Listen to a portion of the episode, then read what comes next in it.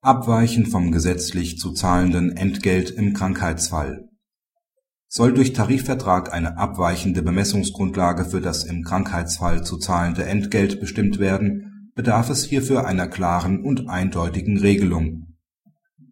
Der Arbeitnehmer ist bei der Arbeitgeberin, die einen Flughafen betreibt, im Bodenverkehrsdienst beschäftigt. Auf das Arbeitsverhältnis zwischen Arbeitnehmer und Arbeitgeberin findet seit dem 1.10.2005 der Tarifvertrag öffentlicher Dienst Anwendung.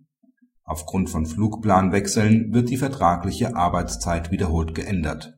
Durch Änderungsvereinbarung vom 11.12.2006 wird für den Zeitraum vom 01.01.2007 bis 30.04.2007 die Wochenarbeitszeit auf 34,5 Stunden verkürzt der Arbeitnehmer ist vom 14.01. bis 22.01.2007 arbeitsunfähig erkrankt.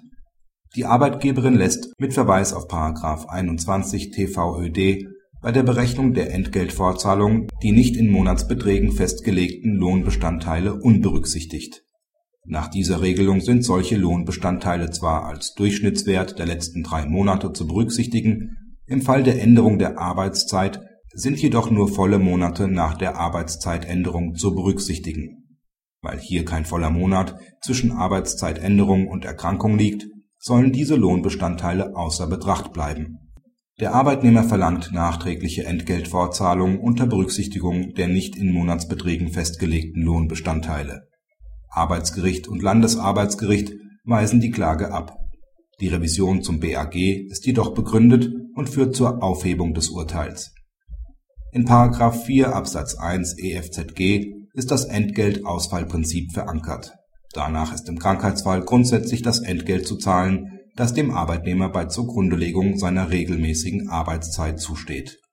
Nicht in Monatsbeträgen festgelegte Lohnbestandteile, die der Arbeitnehmer im fraglichen Zeitraum erzielt hätte, finden dabei Berücksichtigung.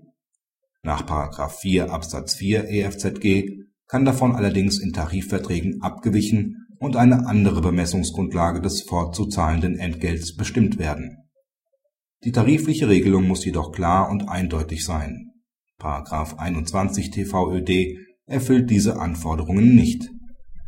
Für nicht in Monatsbeträgen festgelegte Entgeltbestandteile wird das Entgeltausfallprinzip durch ein auf drei Kalendermonate abstellendes Referenzprinzip ersetzt. Liegen zwischen einer Arbeitszeitänderung und dem Krankheitsereignis weniger als drei Monate ist auf diesen bei den verkürzten Referenzzeitraum abzustellen.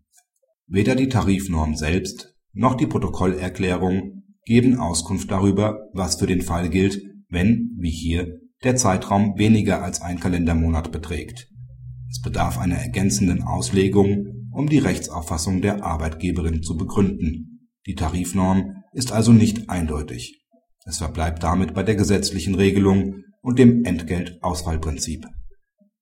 Praxishinweis Arbeitgeber, die eine zu ihren Gunsten vom Gesetz abweichende Bemessungsgrundlage des fortzuzahlenden Entgelts regeln wollen, müssen darauf achten, dass die entsprechende Vorschrift im Tarifvertrag eindeutig und in sich abschließend ist.